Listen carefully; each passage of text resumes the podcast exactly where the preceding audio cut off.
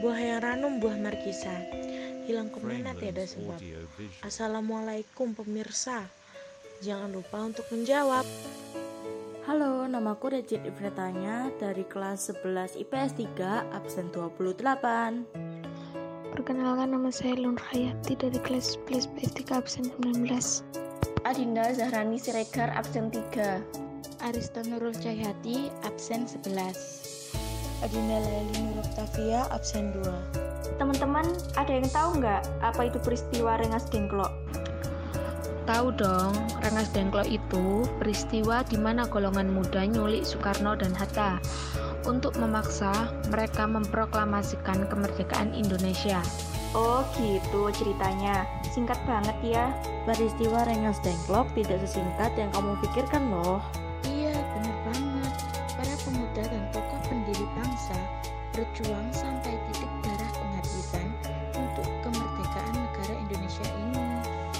Biar lebih jelas, kita simak peristiwa Rengas Dengklok ini. Pada 6 dan 9 Agustus 1945, bom atom melumpuhkan kota Hiroshima dan Nagasaki. Kehancuran dua kota tersebut mengakibatkan kondisi politik dan ekonomi Jepang lumpuh. Pada tanggal 15 Agustus 1945, Jepang menyerah tanpa syarat pada sekutu. Kaisar Hiroshito tampil di radio nasional Jepang untuk pertama kalinya mengumumkan bahwa Jepang menyerah. Berita kekalahan Jepang diketahui oleh Sultan Syahir yang saat itu melakukan gerakan bawah tanah untuk mempersiapkan kemerdekaan tanpa bekerja sama dengan Jepang.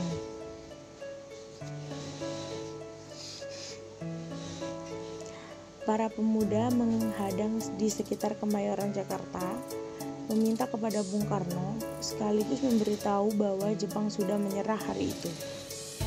Khairul Saleh yakin bahwa Bung Karno tidak diberitahu oleh Jenderal Tirauchi.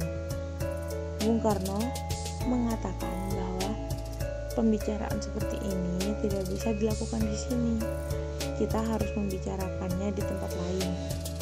Mungkin karena pada saat itu situasi banyak orang Jepang di sana. Lalu Bung Karno dan Hatta pergi. 15 Agustus 1945, Sultan Syahrir bertemu dengan Soekarno dan Hatta. Beliau membicarakan soal detik-detik kemerdekaan. Namun, Soekarno dan Hatta masih satu suara bahwa ada prosedur untuk kemerdekaan.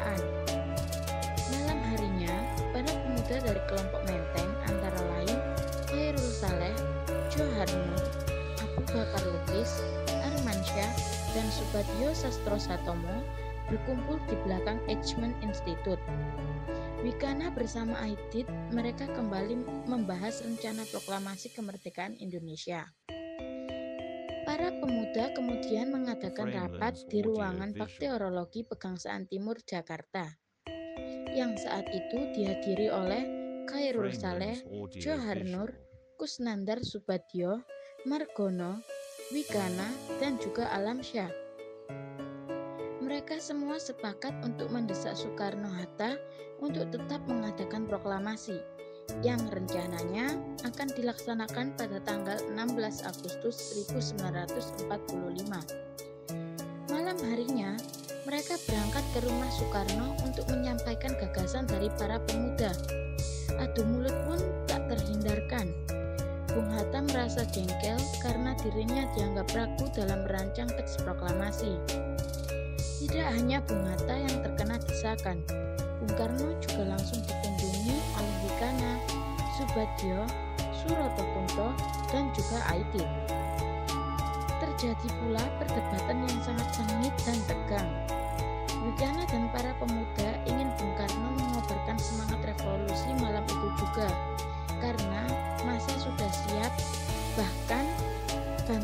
dari Peta dan juga Heiho sudah siap menunggu komando. Karena adu argumen semakin memanas, Wikana sempat mengancam akan terjadi pertumpahan darah. Bung Karno yang mendengarnya kemudian berdiri dan langsung membuka lehernya. Ini leherku, Seretlah aku ke pojok sana dan sudahilah nyawaku malam ini juga. Jangan menunggu sampai esok hari, bentak Bung Karno pada Wikana. Wikana menjawab, maksud kami bukan mau membunuhku, melainkan kami hanya memperingatkan.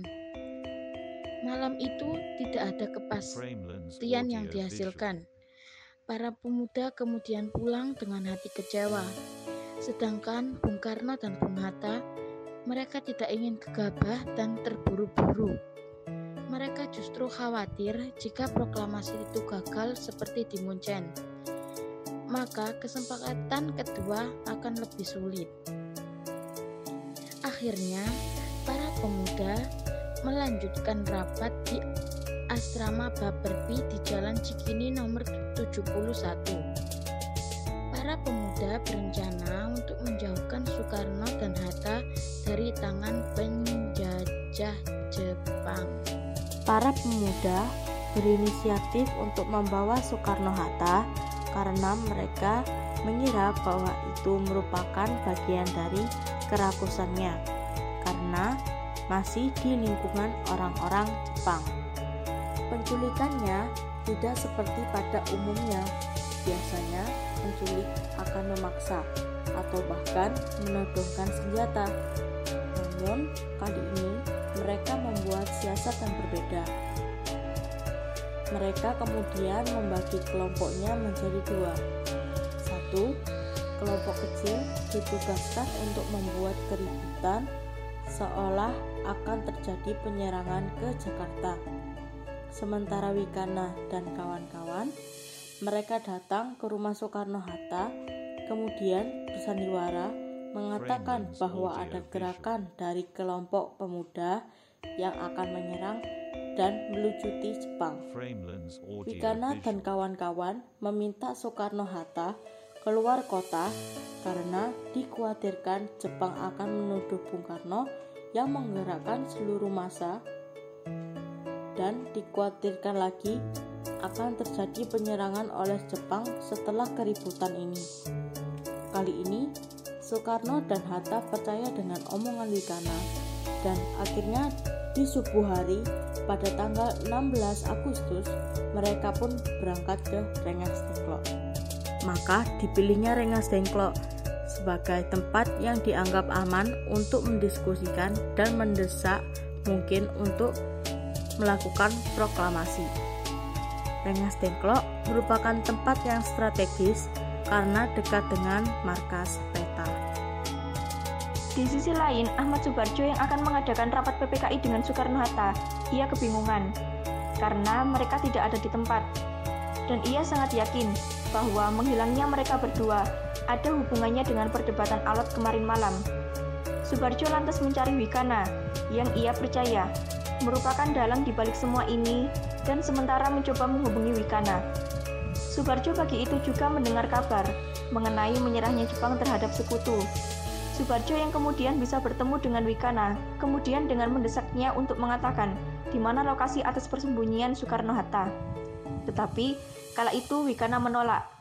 Subarjo menjelaskan bahwa mereka berdua sangat diperlukan di Jakarta untuk diplomasi dengan Jepang. Tindakan para pemuda akan sangat beresiko karena mereka sudah diberi ultimatum oleh sekutu agar tidak melakukan perubahan politik. Dari hal tersebutlah akhirnya Wikana bersedia mengatakan di mana lokasi dari Soekarno-Hatta. Semuanya akhirnya menjadi jelas ketika Subarjo datang ke Rengas Dengklok pada sore harinya. Dikatakan bahwa Jakarta aman-aman saja dan Jepang memang benar sudah minta damai kepada sekutu.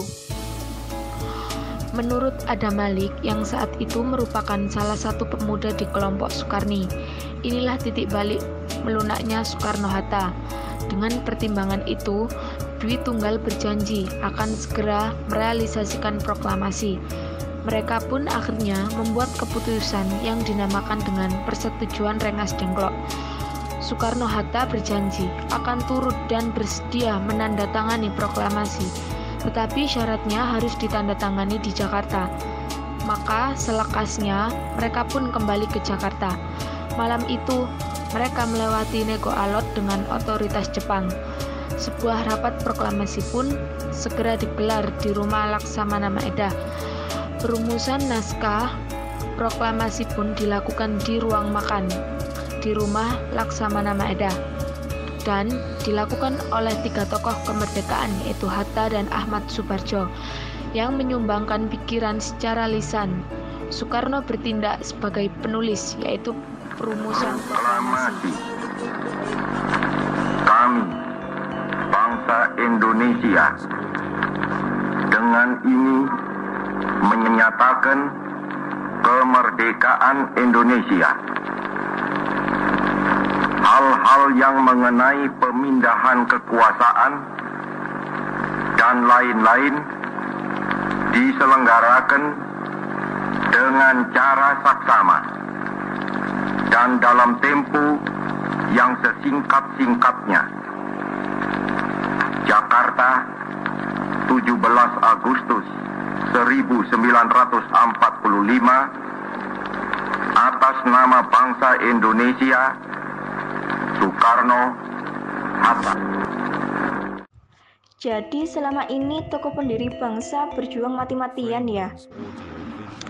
Maka dari itu, kita semua sebagai generasi penerus bangsa harus menghargai jasa para pahlawan yang telah memberikan kemerdekaan negara Indonesia ini. Nah, jadi seperti itu cerita peristiwa Rengas Dengklok versi kami.